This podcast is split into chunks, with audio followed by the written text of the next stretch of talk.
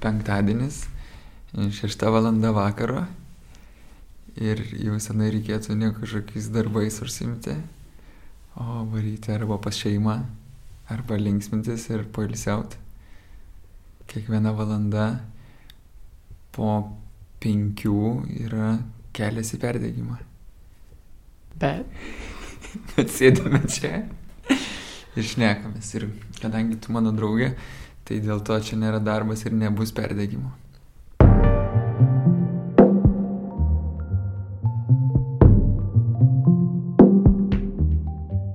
Jūs įsijungėte Nailo podcastą, jį kūrė žurnalistų kolektyvas Nanuk. Šiandien girdėsite antrąją epizodo Perdegusi kartą dalį. Aš esu Karolis Višniauskas. Gero klausimo. Tikrai pažįstu žmonių, kurie, nežinau, degina savo gyvenimo žvakę iš abiejų pusių. Ir, ir labai daug atiduoda savęs darbė ir labai išsitaško per laisvalaikį, bet tai irgi yra gyvenimo pasirinkimas, kuriam jie turi teisę. Kai kurie žmonės ir nori būti pertikime, dėkti ir tai yra jiems jų gyvenimo kelias. Ačiū visiems klausytojams, kurie dalinosi Rūtos Milutytės interviu, o taip pat tiems, kurie prisidėjo prie Nailo kūrimo finansiškai per Patreon platformą. Jūsų šią savaitę prisijungia net 23. Leiskite jums visiems padėkoti. Tai yra Vitanis Barkauskas, Roma Pui, Mykolė, Agne Kudarauskinė, Aušara Umbrasaitė, Aistė Tarutytė, Laima, Vytautė Seinauskaitė, Edita Urmanaitė, Rėda Brandišauskinė, Arnas Laurinas, Andrius Baranauskas, Egidijus Tifosi, Egidijus Glikonis, Rūta Leiputė, Emilija Jokubauskaitė, Žilvinas Janušonis, Justinas Arna Rutavičius, taip pat Jonas Miklovas, Margarita, Jovita Rudnickaitė, Odeta Tum ir Grinvidas Kareiva. Taip pat prie Patreon vėl sugrįžo Vilius Transeika, o savo sumą padidino Odeta Morkūnaitė.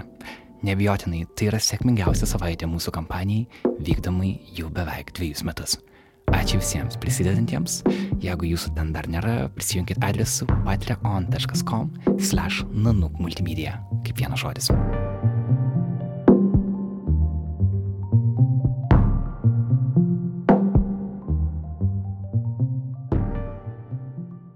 Praėjusią savaitę dalinomės pirmojų pokalbių skirtų perdėgymo temai, tada kalbėjomės su New York'e kino industrijoje dirbančia Marija Silk.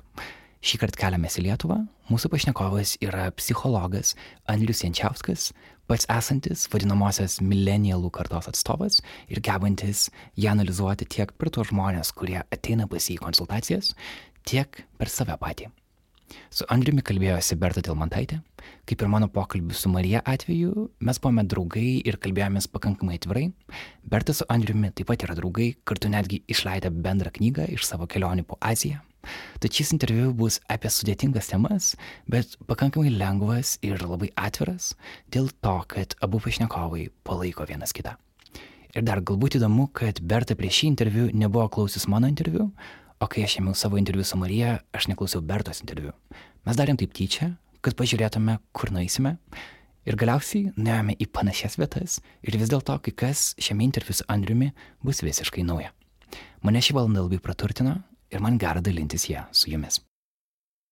Tai pradėkime nuo to, kad esi psichologas ir turi asmenės konsultacijas su žmonėm, bet ką dar dirbi, nes esi e, vienas daugiausiai dirbančių mano pažįstamų žmonių ir aš turbūt su tavo darbų, nors laikau tą save vienu geriausiu draugu, negalėčiau išvardinti.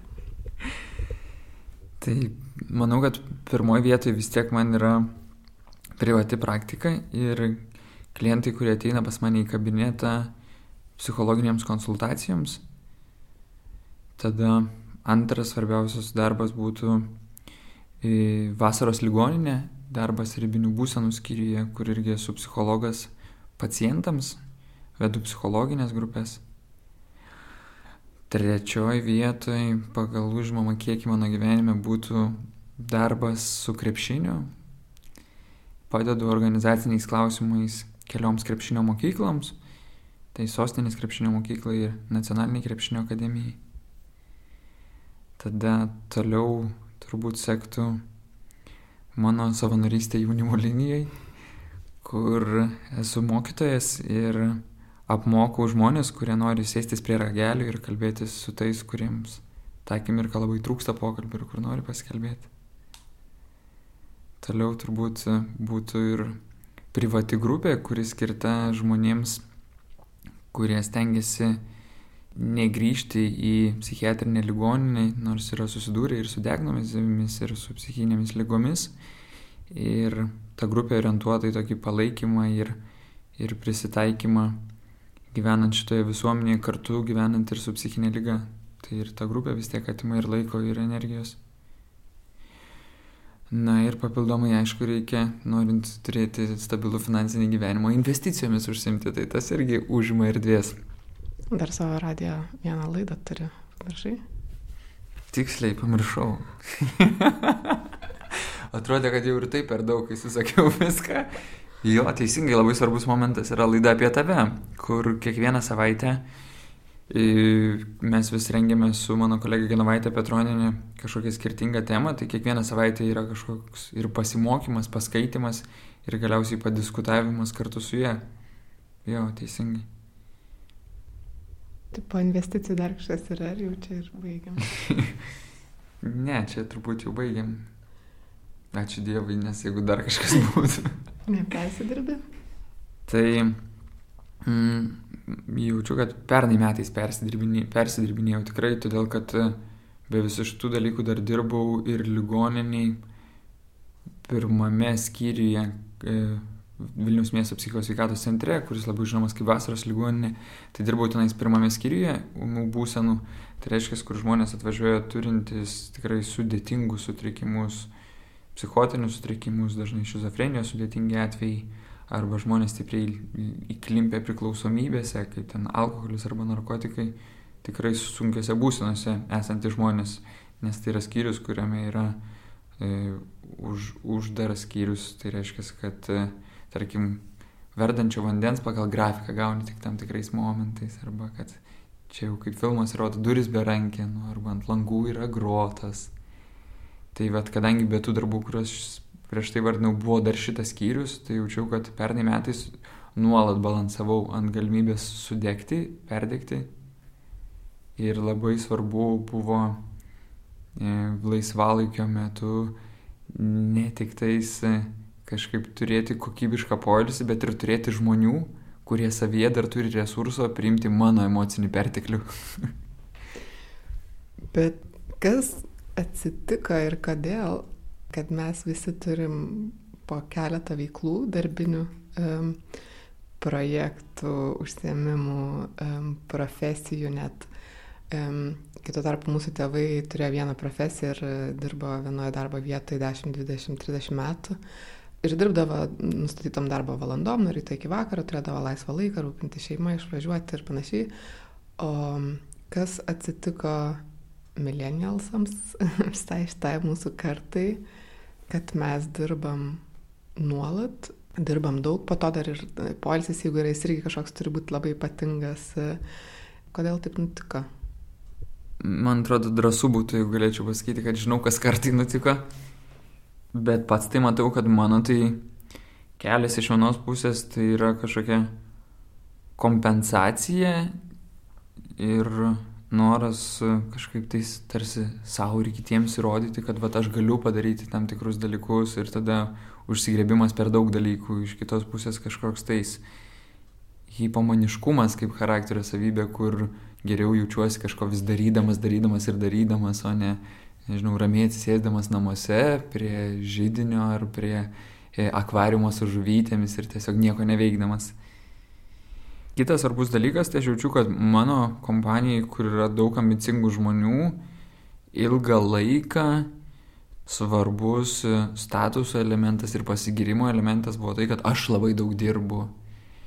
Ir manau, kad čia irgi yra svarbus momentas, kad vat, tarsi, kad jeigu nori būti sėkmingas, tai turi labai daug dirbti. Ir jaučiu, kad visai nesenai pasikeitė, kad tokia didesnė kaip tik pagarba ir, ir pavyzdys yra tiem žmonėm, kurie sako, vad, aš sugebu baigti darbo dieną tenais penktą valandą ir ketvirtą valandą ir turiu tada laiką su šeima, laiką su draugais, spėju ir pasportuoti, spėju ir aplankyti savo ten tevelius, šeiminiškius.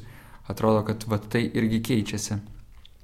Bet e, tuo pačiu, man atrodo, svarbus mechanizmas, kuris veikia, kurį ir tikrai savo kailiu išgyvenu, tai kažkoks vidinės kalties jausmas. Tarsi, kad jeigu nenusidirbu ir nenusivarau kaip arklys, nesijaučiu netgi vertas kažko ir būti šitam gyvenime, ar turėti kažkokį tai tą patį kokybišką poilsį, ar smagų laiką su draugais. Tai va kažkoks kalties mechanizmas du dalykus, kuriuos paminėjai, tai labai sunku tą norą įrodyti, neaišku net kam, ar tai mūsų tėvų kartai, kad mes galim gyventi geriau ir pasiekti daugiau, ar patys savo ir vieni kitiem, tada kalties jausmas, kad jeigu nedirbi, švaistai laiką. Ir dar kitas dalykas - baime turbūt, baime būti kažkokiu nepasisekusiu, baime prarasti laiką, kažko nepasiekti, kažko nepadaryti, baime negyventi pilnai įmanomai e, visą gyvenimą. Ar tą pastebi pas žmonės, kurie ateina pas tave į konsultacijas irgi, suprantu, kad negali kalbėti apie tam tikrus dalykus, bet šiaip bendrai. Ne, bendrai tai tikrai, bendrai galiu kalbėti apie daug negaliu kalbėti turbūt konfidencialumas, tai yra apie pavardės ir konkrečius asmenis, kas yra viena iš svarbiausių mano darbo dalių, bet, bet apie tendencijas ir, ir apie pavienius atvejus be vardų, tai jaučiu, kad galiu kalbėti ir dažnai žmonės net sako, kad, o girdėjau, kur šnekėjai, kad liktai čia apie mane, kad visai pasidžiaugia netgi to žmonės. Bet e, kabinete tai aš supratau, ko nebuvau supratęs iš savo gyvenimo, kad perdėgymas jisai irgi yra ne tik tais iš ne tik iš profesinės perspektyvos, tarkim, mano perdėgymas yra labiau su profesija siejasi ir su per dideliu darbo krūviu, kai tuo tarpu kabinete aš sutinku žmonės, kurie perdega dėl to, kad, tarkim, turi žmonės, kuriuos reikia prižiūrėti. Pavyzdžiui, labai dažnai dega žmonės, lydėdami mirti savo, savo nežinau, tėtį, mamą esu susidūręs su klientėmis, kurios turi neįgalius vaikus ir kaip sunku iš tikrųjų gyvenime yra be viso krūvio, kurį neši, dar turėti ir vaiką, kuris, kuriam reikalinga didelė pagalba ir kuris tikrai emociškai daug kainuoja. Lygiai taip pat matau žmonės, kurie perdega ne tiek dėl profesinių dalykų, bet, pavyzdžiui, perdega dėl to, kad perdėm rūpinasi kažkokiais savo socialiniais tinklais Tai man atrodo, kad yra ir daugiau tų erdvių sudegti, bet vat, net ir profesiškai su kuo esu susidūręs ir ką šiaip ir literatūra dažnai aprašo, kad tarkim aš savo darbė jaučiu daug prasmės. Ir man jaučiu, kad mano tiesiog problema vis dar nesudėliotas balansas. Yra mūsų, mūsų srityje yra toksai autoritetas psichiatras Laurinaitis, jisai, jisai kalba apie tokį balansą, kad kad žmogus 8 valandas miega, 8 valandas dirba, 8 valandas turi mokėti pagyventi ir turėti laiko su šeima, turėti laiko savo. Tai aš jaučiu, kad va šito balanso vis dar nesugebu išlaikyti, kad per daug erdvės mano gyvenimo užima darbas, bet vad ką aš sutinku savo darbę, tai kad dažnai žmonės perdega net iš didelių valandų, bet iš to, kad nemato prasmės savo darbę. Kad perdegimas gali būti kaip realiai prasmės stygius ir nematymas visgi dėl ko aš darau tą darbą. Kaip tu padedi gelbėtis ir išsivaduoti iš to, padėti savo ir kaip pats tą darai? Man atrodo, žinai, kartais pirmas žingsnis tai būna, kad žmogus susimoka pinigus tam, kad nusipirktų visų pirma valandą laiko savo ir apie save. Bet žinai, aš pati, kai daviau terapiją, man būdavo kartais baisu ir gaila tos valandos, nes prie ją gali vykti kažkas, tu gali paskambinti, parašyti, išeisi, gausi mailą, net sakytas, netrado, žinai, net tą valandą.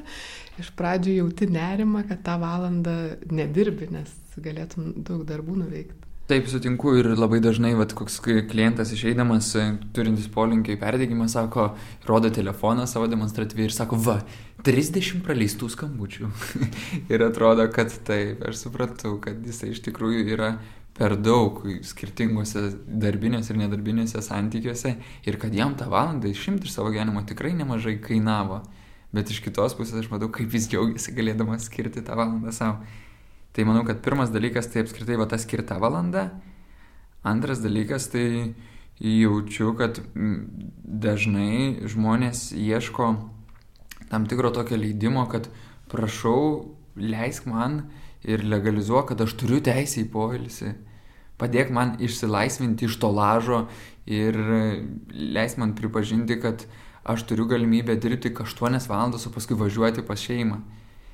Tai yra toksai kaip ir sureguliavimas, bet iš kitos pusės mes kartais atsimušam į tokią, va, tarkim, problemą, kad atkeliauja koks nors labai sėkmingas verslininkas, kuris tame savo versle jaučiasi labai stiprus. Jisai dažnai užima dominuojančią poziciją, turi galios pojūtį tame ir šiaip dažnai patiria tą sėkmingumo jausmą. Tuo tarpu šeimoje grįžęs namo jisai tenais girdi priekaištus, jisai tenais girdi, kad nėra toks geras vyras savo žmonai ir nėra toks geras tėvas savo vaikams, koks yra geras verslininkas.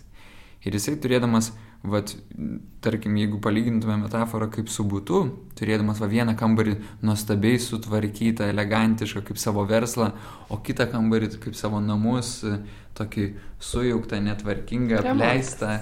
Jo, jisai grįžęs namo, būdamas ir pats šiek tiek pavargęs, jis daug su didesniu malonumu, jisai eis į tą tvarkingą į kambarį ir toliau paliks aną kambarį pelyti, kerpėti, kol galiausiai ta šeima palūš. Tai vat, ir tai, man atrodo, yra dalykas, kad dažnai žmogus, vienas iš dalykų, dėl ko perdega, tai kad daug maloniau tapatinasi su ta erdvė, kurioje jam iš tikrųjų gerai sekasi. O to darbas atvesti tą kitą erdvę? Mano darbas padėti žmogui fokuso daugiau turėti ir kitai erdvėjai.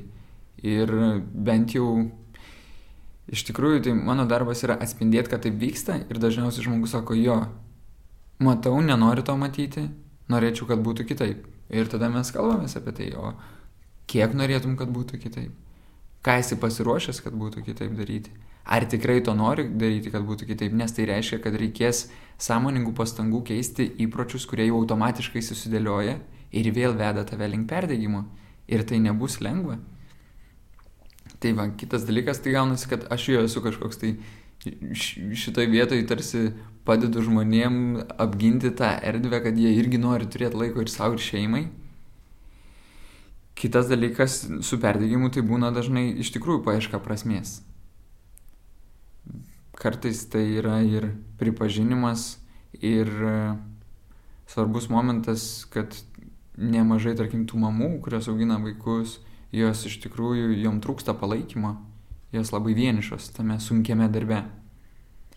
Ir jeigu jos neturi pakankamai palaikymo, o šalia to jos ir rūpinasi namais, turi tenais pilno etato darbus, stengiasi būti dar gero žmono savo vyrams ir šalia to dar turi užsimti su vaiku, kuris yra neįgalus ir kuris kainuoja dar papildomai etato. Tai joms tikrai trūksta kad vien, kad kažkas pasakytų, kad ei, tu labai sunkioje situacijoje, kad daug žmonių tavo vietoje degtų ir kad aš užjaučiu, kad tu taip sunkiai varai gyvenime šitą. Ko dar nori iš tą žmonės? nori tai daug bet klausimas, ką aš galiu duoti. bet jeigu, jeigu perdėgymo kontekste, tai, tai sakau, dažnai žmonės ateina ir, ir, ir pradeda ieškoti prasmės, nes tas perdėgymas reiškia, kad jie nejaučia gyvenimo skonio, jaučiasi depresyvus ir sako, kad kad man gyvenime yra per daug liūdna. Ir tada pradedame dairytis aplinkui.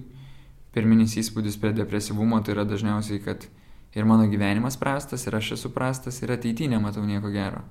Bet po truputį, truputį, kabinantis už kažkokių mažų dalykų, pasirodo, kad žmogus turi ir svajonių, kad žmogus turi ir aistrų, kurios įtraukia, ir kad žmogus visgi turi šansų atrasti, kas šitam gyvenime jam bus prasminga. Man patinka Jordan Peterson tokia psichologo idėja apie tai, kad, kad gyvenime vienas iš lengviausių pasteisinimų pasakyti, kad šitas gyvenimas yra beprasmis ir kad, kad nieko aš neketinu gyvenime stengtis, kad tą prasme susigurčiau. Na ir yra tiesos, kad nėra kažkokio auksinio atsakymo, kuris visiems yra teisingas, kaip padaryti, kad tas gyvenimas būtų prasmingas ir nedegti jame. Bet iš kitos pusės mes kiekvienas turime šansą tai pasidaryti. Atrasti būdų ir kaip įprasminti savo kančią nes dažnai žmonės turi sudėtingus gyvenimus ir tuos sudėtingus gyvenimus svarbu įprasminti, kad juos lengviau išgyventi. O iš kitos pusės nemažai žmonių turi šansų ir tuose gyvenimuose atrasti įdomių darbų, kuriuos jiems būtų prasminga dirbti ir kuriuose jie jaustųsi ne tik tais uždirbantis pinigus, bet ir sukuriantis kažkokią tais fainą vertę kitiems žmonėms. Bet aš man atrodo, kad visi labai gerai gyvena, visiems viskas yra gerai, visi turi darbus, daug uždirba, keliauja, užsima sportais įvairiausiais. Nežinau, ar skaitai ir tą visą, nes jinai buvo postas Facebook'e apie tai, kaip senai nebuvo karo. Neskaitai? E, viena, viena iš kainų, kurią susimokėjau už savo didelį darbo krūvį, tai tai nesinaudojimas socialiniais tinklais. Man tikrai patiko, man būdavo smagu ir pamatyti, kaip mano draugai gyvena. Ir aš labai mėgdavau paskrolinti Instagramą, nes, nes turėdavau tenais tokių žmonių kaip tu, kur nuotraukas visą laiką labai gražias. Jo, tai atsiprašau, kad nelaikinu tavo nuotraukų, aš neskrolinu ir nebeturiu laiko socialiniam tinklam ir jų ilgiuosi, bet iš kitos pusės ir prarandu kažkokią informaciją, apie kurią tu kalbėjai. Tai, tai aš tau trumpai pasakysiu, kad buvo toks nu, ir ironiškas, sarkastiškas postas apie vat, šitą, um, apie žmonės gerai uždirbančius, daug dirbančius, bet gerai uždirbančius ir galinčius sauliaisti didžiulę pravangą, gerai gyvenančius, įsivaizduojančius, kad yra upper middle class. Po to buvo toks įdomus atsakymas į tai, kad iš tikrųjų čia tik įsivaizdavimas ir kad nėra visiškai balanso tarp investicijų ir vartojimo, ir kad tas burbulas gero gyvenimo greitai gali sprokti ir sproks greičiausiai. Ir man patiko Paulius Gritėno tas apibendrinimas, kad tai yra prabanga galvoti, svajoti apie prabangą. Kad tarsi tas geras gyvenimas kažkodėl yra išreikštas materialiais dalykais ir būtinai e, galimybė vienas kitam pasidemonstruoti tą, tą prabangą ir tas galimybės. Tai e, ar tu savo darbę ir galbūt gyvenime pastebi tai, kad tas neva geras gyvenimas, tu kalbėjai apie prasme, mhm. bet dažnai kažkodėl mes matom aplinkui uh, tą gero gyvenimo išraišką materialią formą. Mhm. Tai aš tai jeigu galvoju apie ten kažkokį kartų palyginimą, tai aš manau, kad man materialiai išgyventi iš tikrųjų yra žymiai lengviau negu mano tėvams. Nors manau, kad mes esam labai panašus, nes aš esu jų vaikas, bet ir manau, kad tai yra laikmečio dalykas. Ir man atrodo, kad iš tikrųjų ekonominė gerovė yra tikrai didesnė. Ir iš to atsiranda prabanga. Viena prabanga yra, kad mes turim galimybę sirgti savo dvasiniam lygom ir tada bandyti iš jų gydytis ir dėl to tapti kažkuria prasme vat, švaresniais žmonėmis. Kita prabanga mes galime pirkti daugiau savo daiktų, turėti daugiau įspūdžių, daugiau patirčių skirtingų, mes galime daugiau keliauti. Kita prabanga, kad mes galime skirti dalį savo laiko ir savanoriauti kažkur tais. Čia va vienas iš dalykų, kurio atrodo turėčiau atsisakyti, nes tikrai vat, per didelės darbo valandos, bet važiuoju jaunimo liniją su meile ir tai yra vienas iš fainiausių darbų mano savaitės įgoje. Čia yra mano savanorystė, už kurią man niekas nemoka, bet ta vertė, kurią aš gaunu, yra žmonės, kuriais sustinku, nes važiuoju ten padirbti su draugais ir koks tai yra didžiulis malonumas, ypač kaip psichologo darbas yra gan tokia vienišo vilko darbas. Tai va, tai aš tikiu, kad, kad tikrai mes esame gerovės laikotarpiu, tik tai klausimas, kaip tą gerovę panaudosime. Žinau, kad e, mano psichoterapeutė sako, kad jinai savo gerovę norėtų panaudoti pasimdama globoti vaiką. Užaugino du savo vaikus, va ateity galvoja dar, kad galėtų užauginti vaiką iš vaikų namų.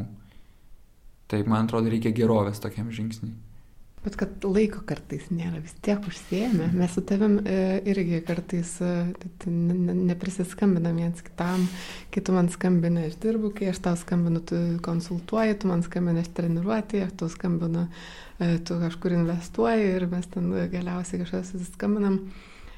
Visi užsiemė ir visiems reikia iš to savo veiklos matyti kažkokį, grįžt, nu, kažkokį rezultatą, grįžtamą į ryšį ir ta, tiem kažkokiem neatlygintiniam darbam atrodo, nu, nebėra laiko, tu negali savo tą leisti, kaip negali leisti nieko neveikti, nes tai yra laiko švaistimas, nes tai neduoda jokio rezultato, taip negali leisti netlygintinai kažko daryti ir daryti gerą, nes tiesiog nėra laiko. Bet, žinok, nestinku, nes e, savanori, savanorių skaičius didėja Lietuvoje, savanoryšių yra vis daugiau, toj pačioj ten jaunimo linijoje Vilniuje šiuo metu yra gal, nežinau, 170 savanorių. Tai atrodo, kad atsiprašau, kad daug žmonių atranda irgi tam laiko. tiesiog sutinku, kad didesnė dauguma ieško kaip savo laiką paversti į pinigus arba savo laiką paversti į įspūdžius. Nors iš kitos pusės savanoriavimas irgi, žinai, įspūdžiai. Mm. Tai va, o dėl tuo pačiu dėl, dėl to laiko stygių, žinai, ir tarkim dėl to, kad va mes, ne, dažnai ne, nesusitinkam ir nepabendraujam, tai pagalvoju, kad irgi gyvenimas eina laikotarpiais. Ir galvoju, kad čia irgi mano laikotarpis iki to momento, kol atsiras pas mane vaikai, ar ne? Ir aš galvoju, kad, kad realybė mano ir yra tokia, kad po kokių, žinai, penkių, šešių mėnesių aš dirbsiu iki penktos valandos tam, kad grįžčiau namo ir pabūčiau su savo žmona ir su savo vaiku. Bet vaikų mes susilaukėm gerokai vėliau ir aš esu nekartą girdėjęs žmonės sakant, kad neturi vaikų, nes neturi tam laiko. Kai esu girdėjęs netgi sakant, kad net santykių neturi, nu, nes nėra laiko santykiai su partnerio e, kažkokio, nes nu, reikia dirbti, reikia daryti kažką, jau apie vaikus e, net nekalbant. Ir mes e, visi jų susilaukėm gerokai vėliau negu mūsų tėvai. Kai, man, kai mano tėvam buvo tiek metų kaip man, man tuo metu buvo jau dešimt. Mm. O aš vis dar neturiu vaikų, nes buvo kažkokia veikla, karjera, reikalai, patirtis ir visa kita. Ir nerandam laiko ir šiaip santykiams vieniems su kitais, va, ką ir mūsų pavyzdys gali parodyti, ar ne, kur iš esmės tai tarsi yra svarbiausias dalykas gyvenime, san, galėtų būti vienas svarbiausių, bet jie nukenčia dėl tos mūsų veiklos ir užimtumo. Ir tai galbūt yra irgi vienas iš tų tamsesnių pusių ir prasmės nebematymo, nes tiesiog dinksta ryšys su žmonėm kurį galima susigražinti arba jiems skiriant daugiau laiko, arba užsimant tom vat, savanoriškom veiklom, apie kurias sakai, kuris irgi šiaip yra apie santykį, žinai, jaunimo linija yra apie pokalbį, įsivaikinimas yra apie irgi rūpestį ir, ir meilę. Ar e, pastebi tai tą kažkokį trūkumą santykių ir ryšių e, žmonėse, kurie pas tave ateina savyje? Mm. Daug dalykų tu čia susakai. Iš vienos pusės tai Apie pirmąjį dalyką, kur tu pasakei, apie tai, kad anksčiau tėvai turėdavo pradžiai šeimas, o mes šiuo metu turime pradžiai karjeras, paskui šeimą, tai man žinai tame netrodo kažkas tai labai blogo, nes man atrodo, kad daug tvirtesni žmonės tada ateina į šeimą. Aišku, kai kurie žmonės, kurie nukenčia pakeliui santykiuose, tai pasilieka vien tik tai darbė dėl to, kad santykius išgyvena kaip tą pavojingą erdvę, kur vėl gali būti įskaudinti. Tai dažnai su tokiais žmonėmis susidūręs taip aš nekuosi apie tai, kad gal metas vėl pradėti vaikščioti pasimatymus ir gal atrasi tokį žmogų, kuris bus pakenčiamas ir gal jisai netgi tavęs nepaliks. Nors visi santykiai baigėsi skirybomis, tik tais kai kurie kartu žmonės pragyvena bent 60 metų. Bet e, bendrai paėmus, tai man atrodo, kad e, taip, dėl užimtumo mes galim turėti mažiau galimybių santykiams, Bet iš kitos pusės dėl tų pačių socialinių tinklų mes turim daugiau galimybių santykiams, nes mes galim daug greičiau susirašyti, mes galime daug dažniau ten nufotkinti viens kitą ir nusiųsti nuotrauką, ar, ar įrašyti ten garso pranešimą vienas kitam ir paklausyti. Bet pats sakai, kad jau net nebebūni socialiniuose tinkluose, tai Taip, tą praradai. Bet WhatsAppą naudoju, žinai. Bet atsakai po paros ar dviejų. Taip, sutinku, kad atsakau, atsakau po ilgesnio laiko, Bet, bet aš labai tikiu ir ta sistema, kad, nu, yra, žinai, artimiausių žmonių ratas vis tiek yra tie tavo patys svarbiausi žmonės. Tada antras ratas jau yra tavo draugų ratas. Tai aš toje vietoje galvoju, kad mano prioritetas vis dar yra mano darbas, tada mano šeima ir tik tada aš turiu laiko draugams. Ir aš nesu tikras, ar tai yra blogas pasirinkimas man. Man patinka idėja, kad žmogus yra tiek psichiškai sveikas, kiek sveikas yra jo socialinis ratas. Ir tai ypatingai veikia žmonėms, kurie turi ribotą socialinį ratą, kurie turi tik keli žmonės ir sustinka su jais labai retai, kaip tarkime kartą per pusę metų ar kartą per tris mėnesius.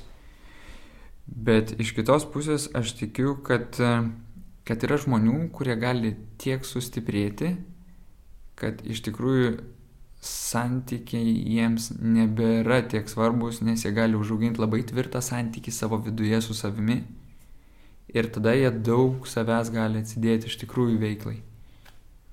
Bet čia tarsi išverti viską atvirkščiai.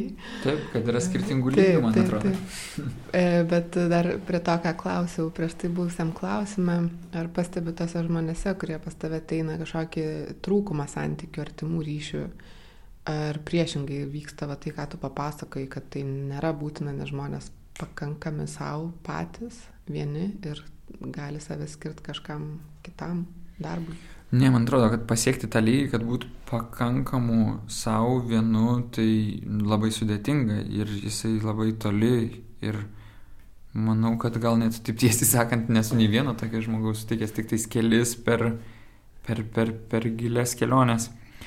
Bet e, su esu sutikęs keli žmonės, kuri, su kuriais aiškiai labai jaučiau, kad jiem užtenka kelių santykių gyvenime. Tiesiog tie santykiai yra su svarbiausiais artimiausiais žmonėmis. Dauguma žmonių, kuriuos sutinku savo darbe, e, turi problemų su santykiais iš vienos pusės, kad santykių turi per mažai, iš kitos pusės, kad tie santykiai būna per, per daug paviršutiniški, kad turi mažai tikrų santykių, kur galėtų visų pirma mokintis išreikšti savo emocijas, iš kitos pusės, kur galėtų gauti kokybišką grįžtamą į ryšį iš kitų žmonių apie tai, kad, ei, čia kažkas ne taip, ei, šitas man nepatinka, o aš tu labai džiaugiuosi, ačiū tau, kad viskas taip vyksta. Bet turbūt e, svarbiausias dalykas, tai man atrodo vis tiek tavo santykis su savimi, kurį tu išmoksti per santykį su kitais žmonėmis. Jisai visų pirma pradeda statytis iš tavo, tavo toj pirminiai šeimoje, iš tavo santykių su tavo tėčiu su tavo mama. Vėliau jisai tęsiasi, tai tavo santykiai su mylimuoju, tavo santykiai su tavo vaikais, tavo santykiai su geriausiais draugais. Per santykiai su jais mes mokomės santykio su savimi. Nes e, daug yra tų kalbų apie taip išmok mylėti save, bet man atrodo, kad neįmanoma išmokti mylėti savęs be santykio, kuriame kažkas kitas tave myli. Ir be to, kad tą santykį introjektuojam į vidų ir tada tikrai ilgainiui pradedam ir save mylėti. Nežinom, ką tai reiškia, kaip tai jaučiasi. Mm. O tu paminėjai tokį įdomų dalyką, kad turim pravangą sirgti dvasiniam lygom. Gali plačiau apie tai. Taip, tai, žinai, jeigu vyksta tarkim karas arba jeigu yra didžiulis nepriteklius ir visa energija reikalinga gauti resursams, kad išgyventi, tai nėra vietos, nėra vietos sirgti. E, nesenai va, buvo puikus pavyzdys pas vieną klientą, kad jisai sužinojo, kad e, serga jo tėtis vėžių ir jisai stipriai mobilizavosi. Mobilizavosi, kol buvo visas procesas neaiškus, nes ten, žinai, pakeliui skirtingi tyrimai, kol išsiaiškina, kad vėžys yra visgi kenksmingas, galiausiai išsiaiškina, kad nėra metastazių kūne ir kad vis dėlto vis dėlto tas vėžys yra tik tais lokaliai vienoje vietoje ir kai žmogus gauna tą gerąją žinią, kad užteks operacijos ir panašu, kad jo tėvas gyvens ir kad jie turės toliau santykių, kuris jam yra labai svarbus, jisai atsipalaiduoja iš tokios mobilizacijos ir staiga susirga. Tai aš kalbu apie tai, kad, kad atsipalaidavimo metu išlenda giluminiai dalykai, kur mes gali būti, kad sergame ne tik tai savo, bet ir prieš tai buvusių kartų lygomis, nes jos neturėjo laiko jomis prasirgti. Ir perdavė tas lygas mums. O kokiais būdais perdavė, tai jas patys skirtingiausi - savo auklėjimu, savo tam tikrą agresiją prieš mumis. O ko, kokios tos lygos? Nežinau, man atrodo, kad pačios skirtingiausios, bet populiariai mes jas vadintume kaip, bet čia būtų tik simptomai, kaip, nežinau, kaip depresijos. Bet nežinau, nežinau. Bet ar depresija, aš kartais tokį labai turiu dviprasmį jausmą. Žmonės vis atviriau apie tai kalba, mhm. kas yra labai gerai, nes reikia tą destigmatizuoti apskritai psichinės lygas, terapiją, psichoterapiją, konsultacijas. Bet iš tos pusės tai jau tampa tokiu irgi, kaip būti užsiemusiu, kaip ir sirgti depresiją, tai tampa tarsi statuso kažkokiu dalyku, kad jeigu tu nesirgai, ne, netgi švaistomasi labai tai žodžiai, žinai, niekas nediagnozavo iš tikrųjų tos depresijos, net nenuėjo žmogus į terapiją, net nebuvo pas ne tik psichiatrą, bet ir terapeutą ir kadangi tiesiog buvo liūdna, nusprendė, kad čia turbūt depresija. Mhm. Tai tarsi ir deval, devalvuojama ir labai kažkaip su, supaprastinama. Um, ir tampa irgi tokio tarsi statuso dalyko, kad jeigu e, nesi užsiemęs ir nes, nesirgai ar nesirgai depresija, tai jau nu, nieko čia iš tavęs gero, vadinasi, nedirbi pakankamai ir nesi pakankamai intensyviai gyvenime. Mhm. Aš sutinku, kad, kad depresija yra vienas iš labiausiai pernaudojamų žodžių, kad labai sunku įlysti žmogų ir pamatuoti ir tą pergyvenimo gilį, kad dažnai tas terminas yra pernaudojimas iš kitos pusės gerai, kad žmonės apie tai kalba, bet jo, atsakydamas į tavo klausimą, kad, kad vat, depresija galėtų būti viena iš išraiškų, tai aš jaučiu, kad, kad stokoju energijos ir gilio, kad giliau atsakyčiau į tokį sudėtingą klausimą, kokiom dvasiniam lygom mes sergame ir kad depresija yra tiesiog tik tais išraiška to skaudaus ir sudėtingo dvasinio būvio ir sudėtingo mano santykio su savimi. Bet uh, Bet nors ir neturiu šią akimirką pakankamai energijos, kad kažkaip giliai sudėliočiau intelektualiai tą dvasinės lygos konceptą, bet per savo patyrimą galiu pasakyti, kad tarkim labai aiškiai matau per, per, per savo kartas, kokiam dvasiniam lygom aš sergu. Tai iš vienos pusės manyje toliau keliauja mano, mano močiutės e, patyrimas tremtyje mano močiutės patyrimas su partizanais, partizanų žudimis, mano močiutės patyrimas su tuo, kaip jinai buvo kankinama kažkur tais kalėjimuose. Aš jaučiu, kad, kad keliauja patyrimas ir kitų mano senelių, ką reiškia gyventi priespaudoje, ką reiškia vis galvoti, kaip atrodysi kitiems, ką reiškia ne, neatrasti, ko aš noriu savo viduje ir neleisti tiem norams būti, o vis galvoti apie tai, o kaip reikia, ką reikia, kad aš daryčiau. Tai reiškia gilės abejonės apie tai, ar, ar apskritai yra Dievas ir kas yra Dievas. Ir sakymą, kad tose bjauriose vietose, kur aš buvau, Dievo nebuvo. Tai tam tikra bedėvystė ir netikėjimas iš kitos pusės aš sergu lygomis tuomis, kad e, kaip sunku buvo tėvams tame perversme tarp skirtingų sistemų ir atsirinkime, tame mokinimėsi, ką reiškia gyventi kapitalizme, ką reiškia, kai grįna kaž... dinksta ir grūna kažkoks socialinis artumas, ką reiškia labai norėti daiktų ir, ir stengtis įdėti visas jėgas, kad nusipirkčiau kažkokius gražius batus, ką reiškia labai norėti automobilio ką reiškia pervertinti pinigus ir nuvertinti kažkaip artimą santyki. Tai vad jaučiu, kad tos dvasinės lygos keliauja vienos per kitas, kur galima ten sureikšminti daugą, sureikšminti, nežinau, intelektą, sureikšminti grožį, sureikšminti va tą patį materiją ir turtą ir labai stipriai nuvertinti tą dvasinį gyvenimą tą norą padėti žmogų, žmogui žmogui. Tai va, bijau, kad nukeliausiu kažkur.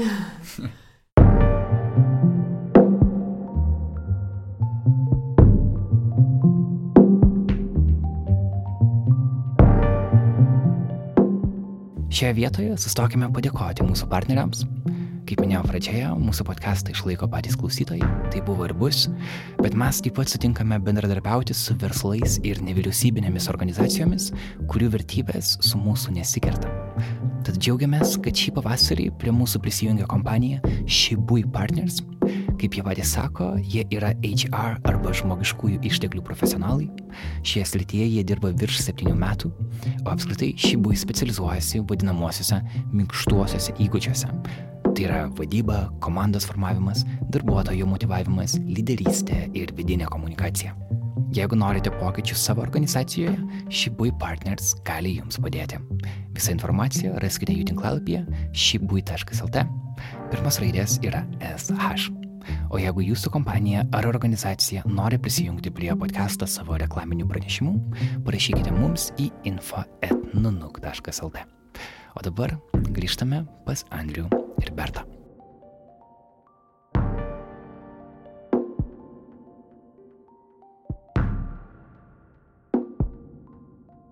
Iš vienos pusės sakai, kad mes tam turim laiko, nes geriau gyvenam. Ir tai, kad pas tave nuolat yra labai daug žmonių, tai rodo, kad žmonės samoningėja, gali skirti laiko ir finansų. Jo, ir pinigų.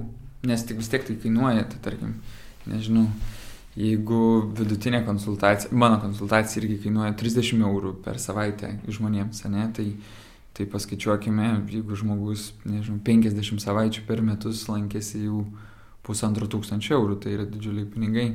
Jeigu lankėsi du metus, jau 3000 eurų, tai už tiek jisai galėtų, nežinau, automobilį nusipirkti. Tai reiškia, kad turi dar daugiau dirbti, kad galėtume eiti pas psichologą ir uždirbti. Ir apie darbą kalbant, man taip atrodydavo seniau ir, ir dabar kartais sako, žinai, kad jeigu turi mėgstamą darbą, tai iš esmės nedirbi, kad tai yra svajonių gyvenimas. Aš pati da, dažnai labai girdėdavau, kadangi keliaudavau daug, dirbdavau keliaudama E, kažkur publikuodavau, kažkur kažkas įvykdavo ir visiems atrodavo, kad tai svajonių gyvenimas, nuotraukose viskas gražiai atrodo.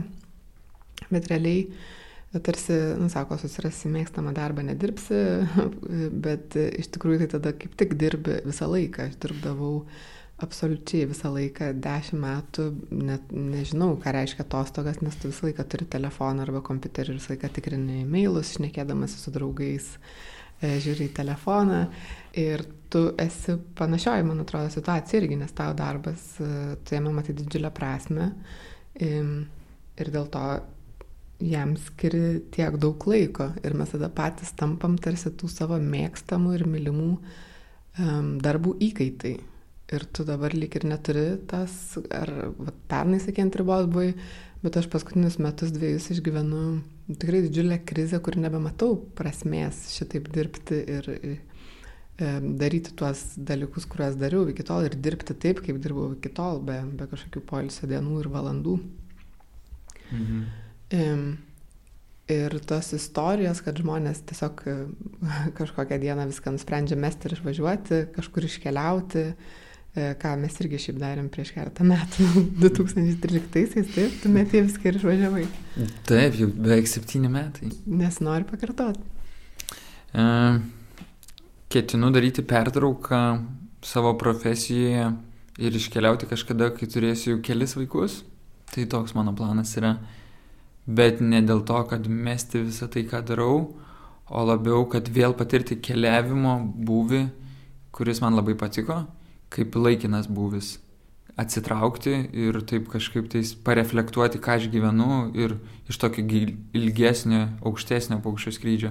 Ir tuo pačiu pabūti, pabūti su savo antrąją pusę, pabūti su vaikais, labiau išgyventi, kaip jie auga ir tame padalyvauti. Bet grįžtant prie veiklos, va, tu, tu dar laimingas, ar tau viskas gerai, ar ne, nereikia bėgti, bet tarkim, man tikrai E, buvo kažkoks lūžis ir krizė, kuri vis dar tęsiasi, nes aš jaučiausi to savo darbo ir savo veiklos įkaitų, nes tarsi kito nieko daryti nežinai ir nemoki, bet taip gyventi ir taip dirbti jau nebenori. Ir tarsi nebėra išeities. Ehm, tai kaip netapti tuo įkaitu? Yra kažkokie įrankiai, taisyklės, kurios tau padeda? Tai mano darbas tai labai dėkingas, kad aš uždarau septintą vakaro kabineto duris ir viskas. O tiem, kurie negali uždaryti tą kabineto durų? Tie žmonės gali išjungti telefono garsą. Bet jeigu negali. Žmonės gali palikti kompiuterį ofise išeidami iš jo, neparsinešti jo namo. Tai labai svarbios dalykai, nu, labai svarbi taisyklė yra išmokti laikyti ribas. Bet žinai, vertinami kartais darbuotojai yra tuo, kad jie visą laiką pasiekiami. E, ir jeigu tu būsi nepasiekiamas, e, kažkas tave pakeis labai greitai, nes bus pasiekiamesnis ir tu nuo to nukentėsi, tai visi nori būti visą laiką pasiekiami. Ir, nu, ne visi aš labai taip bendrai, bet e, yra ta baime, kad jeigu tu vat, nebūsi pasiekiamas ir nepadarysi kažko, kažkas kitas padarys ir užims tavo vietą ir viskas, ir vėl nu, bus tik blogiau. Mhm. Apsukom ratą, grįžom prie perdėgymo, ne, apie ką ir turėjom kalbėti. Tai čia vienas iš dažniausių tokių, mano akimis, klaidingų įsitikinimų, kuriuo remiasi degantys žmonės. Nes ilgojo laikotarpiu jie labai aiškiai pastebi, kad, o geras, kad pailsėjęs aš ir geriau dirbu savo darbus, kad pailsėjus geriau koncentruojuosi, aiškiau išskiriu prioritetus, geriau priminėjau sprendimus ir pradžioj iš tikrųjų atėję ir pradėję apie tai šnekėtis, jie turi įsitikinimą, kad jeigu aš nesakysiu, jeigu nepakelsiu kažkam ragelio, jeigu neperskaitysiu kažkokio laiško, tai kad viskas sugrius. Ir čia nais galim sakyti toksai ir šiek tiek susireikšminimas toksai, bet labiausiai tai nemokėjimas laikytis ribų kad nemokėjimas atskirti tą laisvalaikį nuo darbo laiko. Tai viena iš dalykų, ką mes mokinomės su mano klientais terapijos kabinete, yra pastatyti tas ribas ir labai aiškiai jų laikytis, priimant tą riziką, kad iš tikrųjų gali būti, kad kažką svarbaus praleisi, bet kaip taisyklė ir kaip patirtis rodo, kad svarbiausių dalykų niekada nepraleidi. Paminėjai poilsį, kuris irgi man dažnai labai atrodo toks e, jau visai nebe po, poilsingas, bet žmonės irgi lenktyniauja, kas toliau nuskris pailsėti, kas e, įdomesniai vietoje pailsės. E, Užsimti sportų reikia, sportas būtinai koks nors adrenalinas ir vėl turi save pušinti iki kažkokios ribos narkotikai, kažkokios ribinės patirtis, kad tas poilsis, paskui tu nuo to poilsio dar nori poilsio, nes Tenai irgi. Taip, kad galima perdėti nuo poilsio, ar ne? Taip. Kas Taip. tada? E, man atrodo, kad labai svarbu yra mokintis savo atsirinkti, kas man yra poilsis, koks man poilsis labiausiai tinka, nes aš tikrai žinau ir e, esu susidūręs su klientais, kurie turi, tarkim, hipomaniškumo, kuris buvo paminėtas prieš tai, ir jie nepailsi ramiai sėdėdami namuose, jie neatsipalaiduoja dažnai ten imdamėsi, tarkim, jogos ir kvepavimo pratimų ir jiem užtrunka, kol išmoksta ten meditacijos tam tikrų praktikų, bet jie pui, puikiai pailsi išbėgę pabėgioti tenais 20 km savo draugais. Ir kas kažkaip kas kiekvienam galėtų būti kaip nuodas, kitam yra nuostabiausias vaistas. Tai čia labai svarbu atrasti tą savo derinuką. Koksai poilsis man veikia, kokio intensyvumo man reikia. Ir aš sutinku su tavim, kad svarbu atsirinkti, kad netapčiau nuo kažko tai priklausomas. Nes į, turint polinkio į priklausomybę, labai dažnai galima tomis priklausomybėmis pradėti užsiminėti ir laisvalaikiu. Tai gali būti ir narkotikai, ir alkoholis, ir tas pats adrenalinas ir kažkokios tai aktyvios sportinės veiklos, kurios visą laiką pasibaigia intensyviu adrenalino išsiskirimu, tai kad galima priklausomybę ten išsiugdyti ir tada tai tampa nebe poilisis, o žmogus dažnai nukreipia visą savo gyvenimą tam, kad vėl gautų tą dozę. Tai, tai bet čia, man atrodo, yra prastas pavyzdys, bet labai lengva į jį paslysti. Mm. Ir ką daryt, nes su tavim kalbant norisi daugiau tų, žinai, kažkokių, atrodo, kad turėtum žinoti daugiau atsakymų, sprendimo būdų. Um, ne tik šiaip pakalbėti, kaip yra, bet ir ką, ką daryti toliau, nes perdegus dažnai tiesiog nebesinori daryti nieko, jauti kažkokį didžiulį spaudimą, slėgį visų susikaupusių darbų, kurių nepadarai, bet neturi visiškai jokio noro ir motivacijos tą daryti, ką ir minėjai, atrodo, kad nėra tam prasmės Um, pailsėti irgi gali net nenorėti, kartais net knygą ten kokią sunku skaityti, nes nebegali susikaupti, nes galvoji apie tai, o ką reiktų dar nuveikti ir padaryti, arba nesiradęs tų savo būdų. Um, tikėsi tokioj būsenoj. Um, ar yra kažkokių įrankių ir būdų be psichologo pagalbos terapijos, jeigu irgi nematai prasmės eiti arba dar nesuvokiai, ar ten uh, um, iš vis nemanai, kad tau jinai reikalinga pačiam kažkaip išspręsti? Mhm. Tai aš tai tikrai man tikiu, kad psichologai yra tik tais vienas iš pagalbos variantų, kad tos pagalbos yra daug ir skirtingos, kaip ir visos, nežinau, e, dvasinės bendruomenės arba, arba meditacijos mokyklos ir visokios ten jogos praktikos arba savipagalbos grupės. Bet kalbant apie perdėgymą, tai vis tiek svarbiausias momentas yra visgi sustoti, kad organizmas su depresyviu būviu sako, kad pats metas paspausti pauzę ir pabūti pelkėje. Tai tikrai tam dažnai reikia didelės drąsos, kad sustočiau ir pabūčiau toje pelkėje, nes jausmas ne iš, ne iš maloniųjų. Bet e, žinau nemažai žmonių, kurie ir be ligoninės ar be psichologo pagalbos sugebėjo tai padaryti, pasimdami tą pertrauką ir, tarkim, išvažiuodami į dviejų mėnesių atostogas, o paskui grįždami susidėlioja aiškės ribas, kiek norėtų dirbti ir kaip norėtų keisti savo gyvenimą. Bet kad daryti tai savarankiškai, man atrodo, tas tikrai yra sudėtinga. O ypač sunkiais momentais, ypač tais momentais, kai jauti, kad, kad tarkim, jau ir kyla minčių apie savižudybę, kad važiuoji mašina ir galvoji, kad gal nusukčiau į šoną, prisipločiau ir baigtųsi ta mano kančia, kad nebūtinai norisi nusižudyti, bet tarkim norisi numirti. Kad čia dažnai gali būti jau ženklai, kad nereikia bijoti rimtos pagalbos ir, tarkim, nežinau, važiuoti į vasaros ligoninį ir gultis į ribinių būsenų skyrių ir tenais patirinėti save psichologų ir psichiatrų pagalba, pagyventi psichoterapiniai bendruomeniai, atsitraukti ir pabūti visiškai kitoje aplinkoje, kuri orientuota į savęs pažinimą ir kurioje pavyktų ne tik tais pailsėti, bet ir pažinti, kurie gyvenime dalykai mane degina,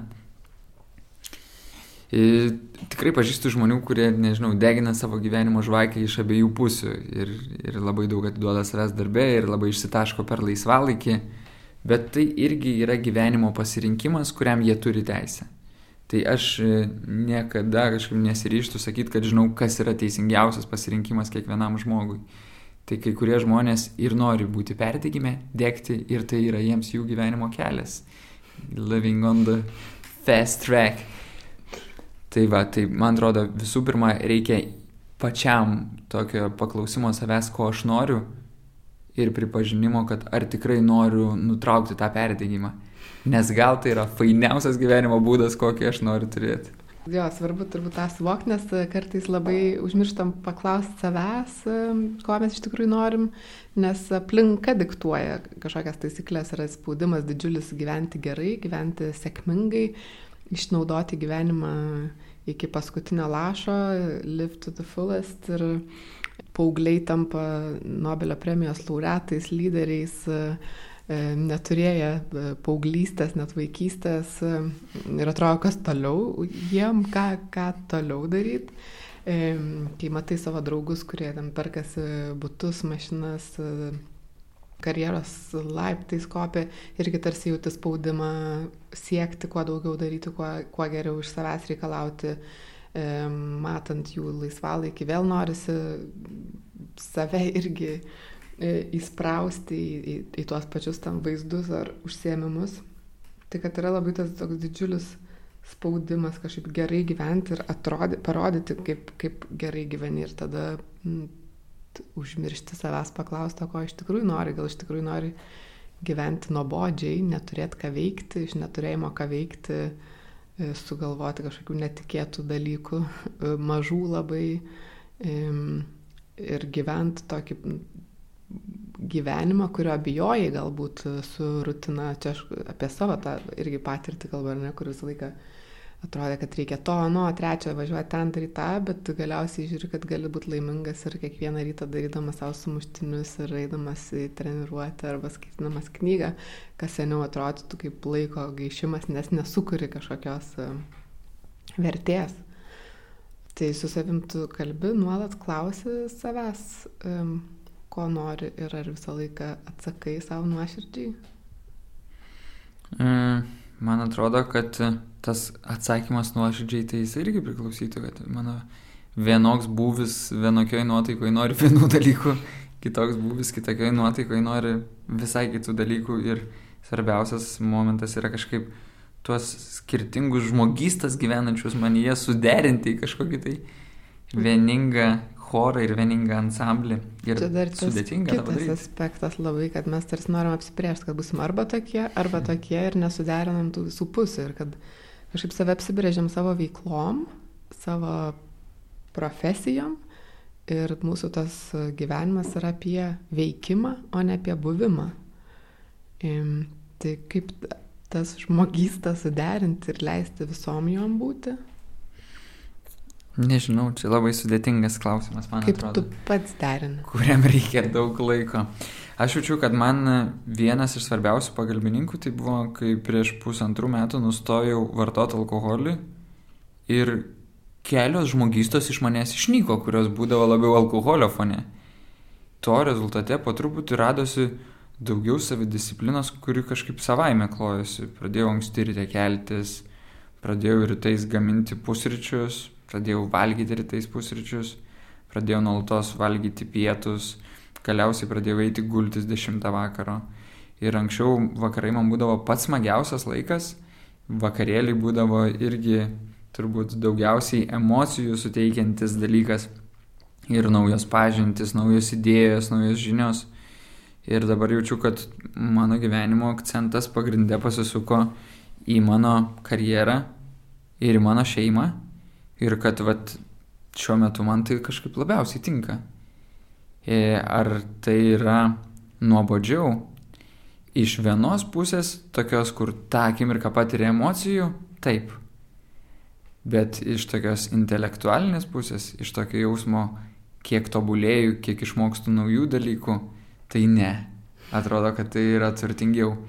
Ir čia, man atrodo, ir atsiranda, kad su branda mums tenka kažko gyvenime atsisakyti, vardant to, kad kažką gautume O bent jau manyje tai yra e, gyvas vaikas, kuris nori visko. Aš ir to, ir to, ir to, ir to noriu.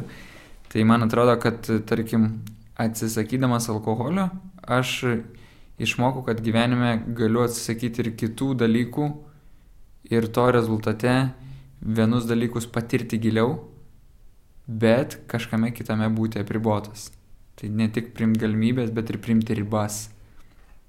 Čia labai svarbu tas galimybė aspektas, nes aš dažnai jausdavau, kad kartais atrodo, jog darai net ne tai, ko nori, bet pasitaiko kažkokia galimybė ir jautiesi blogai jos neišnaudojas.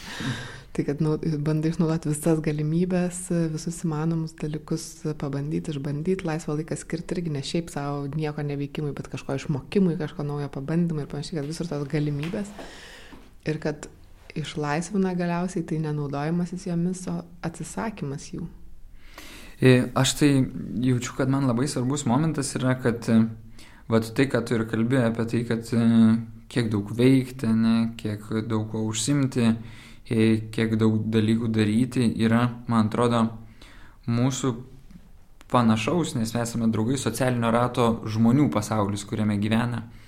Dirbdamas psichologų ir psichiatrinėje ligoninėje, ir privačioje praktikoje, ir taip pat ir savanoriaudamas jaunimo linijoje jaučiu, kad kažkaip susidūriau su visai kitais socialiniais, socialiniam terpėm, nesakyčiau, kad sluoksniais, labiau terpėm, visai kitokį turiniu ir su labai kitokiais žmonėmis, kurie visai kitaip kažkaip patiria tą gyvenimą, kurie gyvena su daug lėtumo, daug nuobodulio, daug neįdomumo. Ir tada man atrodo, kad patirinėjus tuos kitokius buvius ir kitokius pasaulius, yra daugiau šansų surinkti tą savai, kokio aš norėčiau. Nes visai atsisakyti kažkaip ambicijų, veikimo ir lėkimo aš jaučiu, kad nenoriu. Jaučiu, kad va čia mano buvis, mano lyga, gal jinai keisis, kai nežinau, man bus 40 ar 50, bet 30 aš vis dar noriu lėkti ir man tas lėkimas yra fainai. Tik matau, kad noriu lėkti kitose dalykuose. Tai iš vienos pusės aš sutinku, kad kažkur tai atsisakau, bet tikrai neatsisakau visko. O iš kitos pusės tai mokinuosi paimti pauzes. Tai reiškia, kad aš mokinuosi, tarkim, medituoti. Vipasna yra mano mokykla, tai bent kokius 3-4 kartus per savaitę aš atsisėdu valandai be stimulacijos ir visiškai būnu su savo kūnu. Ir ta pasimta pauzė man padeda daug geriau lėkti paskui. Dar su to lėkimu kita problema, su to daug darimu, tai tai, kad labai daug akumuliuojasi visokių įspūdžių ir kad ta tai tampa taip overwhelming, toks slegintis per daug visko jausmas ir laiko trūkumas viską suvokti, su, nes dar nespėjai išgyventi kažko, pilnai jau yra naujos patirtis ir nauji dalykai. Tai, tai tas sustojimas, turbūt pauzė yra labai svarbi. Man tai turbūt didžiausia dovana, kurią aš gavau vat, šitam gyvenime, tai yra atėjusi mano partnerė prieš kelis metus su savo lėtesniu būviu šitam pasauliu, su savo intravertišku būviu, kurie mažiau reikia žmonių aplinkui, su savo idėja, kad, žinai, kol važiuojame mašina, galim išjungti tą muziką į radiją ir pabūti tyloje.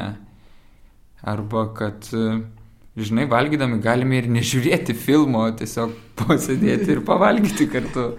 Nes, nu, vieną dalyką šiaip negali daryti. Tas reikia du arba tris vienu metu. Taip, tai, tai man atrodo, kad taip, tos idėjos kažkaip ateina iš šalies, bet klausimas, kiek mes jų padarysime savomis. Kaip tas rusiškas kažkoks žodis yra gražus, tas asvoji vat kažkaip tais. Tai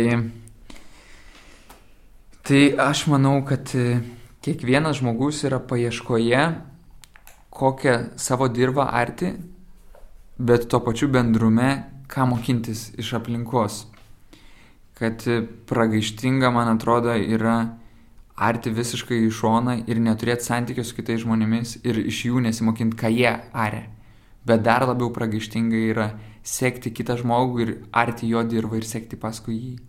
Man atrodo, kiekvienas žmogus turi teisę turėti savo terapiją ir kad labai svarbu yra surasti psichologas, kurio kartu kursite tavo terapiją, kuri bus tik tais tavo unikali, tavo paieška, kokio tu nori gyvenimo. Dėl to man nepatinka psichologai tokių, kokių aš dabar esu, kur kažkaip tai tarsi sako, va, aš tai taip gyvenu ir tai yra teisinga. Ne tai teisinga tik tai man, tai gali būti absoliučiai neteisinga kitiems žmonėms.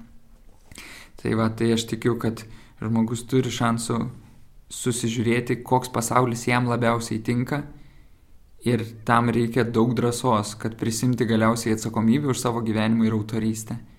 Nes visai baisu, kai pagalvoju, kad turiu tiek daug galimybių ir net ir dabar va galiu viską mesti ir išvažiuoti. Bet žinai, taip fainai ta galimybė, nes tikrai nenoriu. Nes turiu daug dalykų, kurių nenoriu mesti.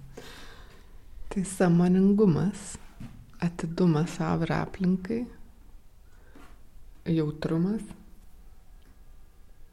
Kas dar? Nežinau. Tikrai nežinau. Nežinau. Man tai labiausiai tai yra, sakau, atsakomybės prisėmimas, savo gyvenimo autorystė, atsirinkimas, kokie procesai vyksta manyje automatiškai, o kokius aš sąmoningai norėčiau pakeisti, nes man nepatinka taip, kaip vyksta pažinimas savo jausmų, savo skirtingų emocijų ir mokinimasis jas pavadinti, kad mano mentalizacijos įžodinimo procesas būtų kuo gilesnis. Pažįstant savo jausmus, aiškesni pasidaro ir mano norai, su norais aiškesnės ir svajonės. Ir kai pradedu leisti savo įgyvendinti savo norus ir svajonės, auga mano savivertė, jaučiuosi pakankamai vertingas, kad kurčiau šitą gyvenimą tokį, kaip turiu. Tai toks, man atrodo, procesas.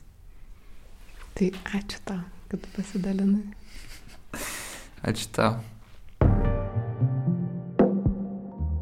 Tikiuosi, žinai, nebuvau per daug atviras ir neprišnekėjau per daug nesąmonių, nes šnekuosi vis tiek su tavim, o ne su radija ar podcast. Tai ne, tai nenustebins. Neišgąsdins.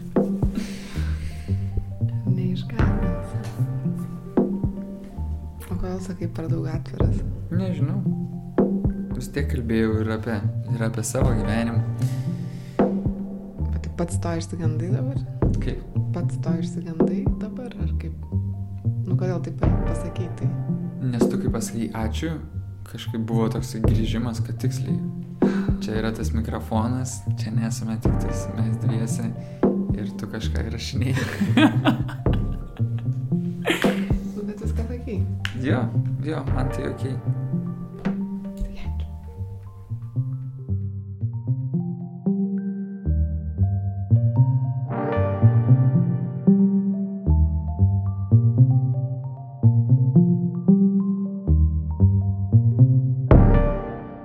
Toks mūsų epizodas šiandien. Tinklalapyje Naila.lt ir Nanuk Instagrame pamatykite Andriaus Jančiausko portretus, juos darė Berta Tilmontaitė jų kelionės į Berliną metu. Epizodą vedžiau ir redagavau aš Karolis Višniauskas, muziką kūrė Martinas Gailius, mano studijinis balsas įrašomas nacionalinėje Martino Mašvito bibliotekoje, čia dirba garso režisierė Katažina Bitoft. Podcastą kūrėme savo jėgomis, be investuotojų ar verslo užnagario, tad klausytojų prisijungimas mums yra esminis. Jeigu jūs praturtina tą informaciją, kurią išgirdote, prisidėkite prie podcast'o kūrimo ir finansiškai. Mūsų adresas yra patreon.com/nanuk multimedia, kaip vienas žodis. Prisijungti galite jums patogią sumą nuo 1 dolerio per mėnesį, o mūsų 100 dolerių patronai yra Blossom Wood Foundation, Benedikto Gylio paramos fondas ir šią savaitę prisijungusi Vytautė Seinauskaitė. Ačiū jiems. Nailo podcastą kuria žurnalistų kolektyvas Nunuk. Gero jums darbo baigimo 5 val. vakaro. Iki.